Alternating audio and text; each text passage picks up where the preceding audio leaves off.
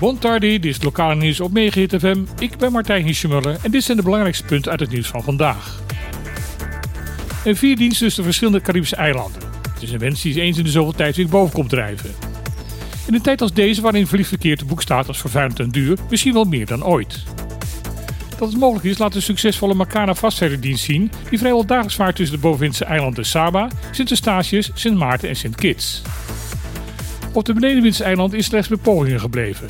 De laatste keer was dat in 2016, toen een kant-en-klaar plan niet werd gerealiseerd, omdat het toenmalige bestuurscollege van Bonaire weigerde om daar een handtekening onder te zetten. Nu komt de Verenigde Naties met een plan om met vier verschillende vierdienstroutes diverse delen binnen het Caribisch gebied met elkaar te verbinden. In een van die routes zijn ook de ABC-eilanden opgenomen. De Nederlandse site van Maritiem Nieuws, Schuttevaar, meldt dat het plan is geschreven door de Economische Commissie van Latijns-Amerika en het Caribisch gebied van de Verenigde Naties. De komende tijd zal er overleg gevoerd gaan worden met de betrokken landen over hun bereidheid om hier aan mee te werken. Dat meer handhaving in het verkeer in Bonaire geen overbodige luxe is, laat de verkeerscontrole zien die gisteren door de politie in Kralendijk is uitgevoerd. Maar liefst 17 personen kregen bij deze ene actie een bekeuring overhandigd.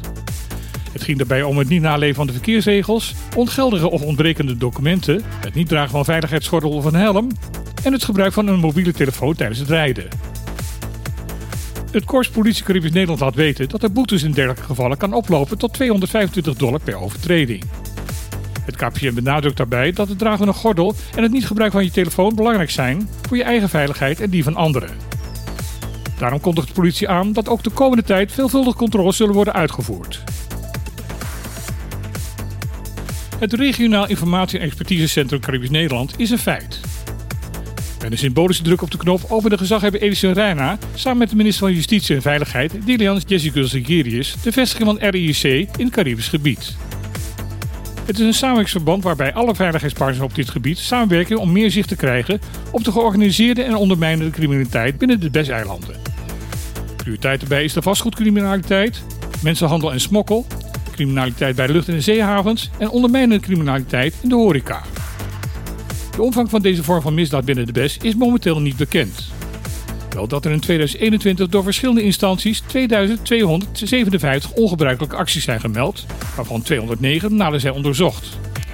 Daarbij gaat het om een totaalwaarde van ongeveer 38 miljoen euro. Het sterke vermoeden is echter dat er nog veel meer aan de hand is. Dat maakte de oprichting van het expertisecentrum noodzakelijk. Die noodzakelijkheid geldt niet alleen voor Caribisch Nederland. In Europees Nederland zijn er momenteel al 10 RIC's actief. Het is belangrijk dat wij jonge mensen van de eilanden een beter perspectief bieden door gebruik te maken van de kracht van het Koninkrijk. Dat zegt minister van Onderwijs Robert Dijkgraaf naar aanleiding van de plannen om tot een Koninkrijksbeurs voor Caribische studenten te komen. Momenteel kunnen studenten van het Caribisch deel van het Koninkrijk vrij makkelijk een beurs krijgen om in het kader van de zogenaamde studiemobiliteit een deel van hun studie te volgen in vrijwel elk land binnen de Europese gemeenschap. Maar dit geldt niet voor Nederland. Dat komt omdat de EU het Nederlands Koninkrijk ziet als één land en niet als vier afzonderlijke landen en de zogenaamde Erasmus Plus beurzen gelden alleen voor het studeren in het buitenland. Om ervoor te zorgen dat er ook uitwisseling plaats kan vinden tussen de opleidingen in de Cariben en Europees Nederland zal de Koninkrijksbeurs worden opgericht. Dit is een van de manieren waarop de vier landen binnen het Koninkrijk proberen om Caribische studenten een grotere slagingskans te geven voor hun studie. Een ander initiatief is het opzetten van een Caribbean Academic Orientation Year. Tijdens dit extra tussenjaar krijgen Caribische studenten van de drie landen en drie PES-eilanden lessen in academische vaardigheden en worden ze voorbereid op het leven als Caribisch student in Europees Nederland. Het is daarbij de bedoeling dat alle huidige initiatieven op dit gebied gebundeld gaan worden tot één voorbereidingsprogramma voor alle zes Caribische eilanden. Dit was weer het lokale nieuws op Megahit FM. Ik wens iedereen nog een hele mooie dag en dan graag weer tot morgen.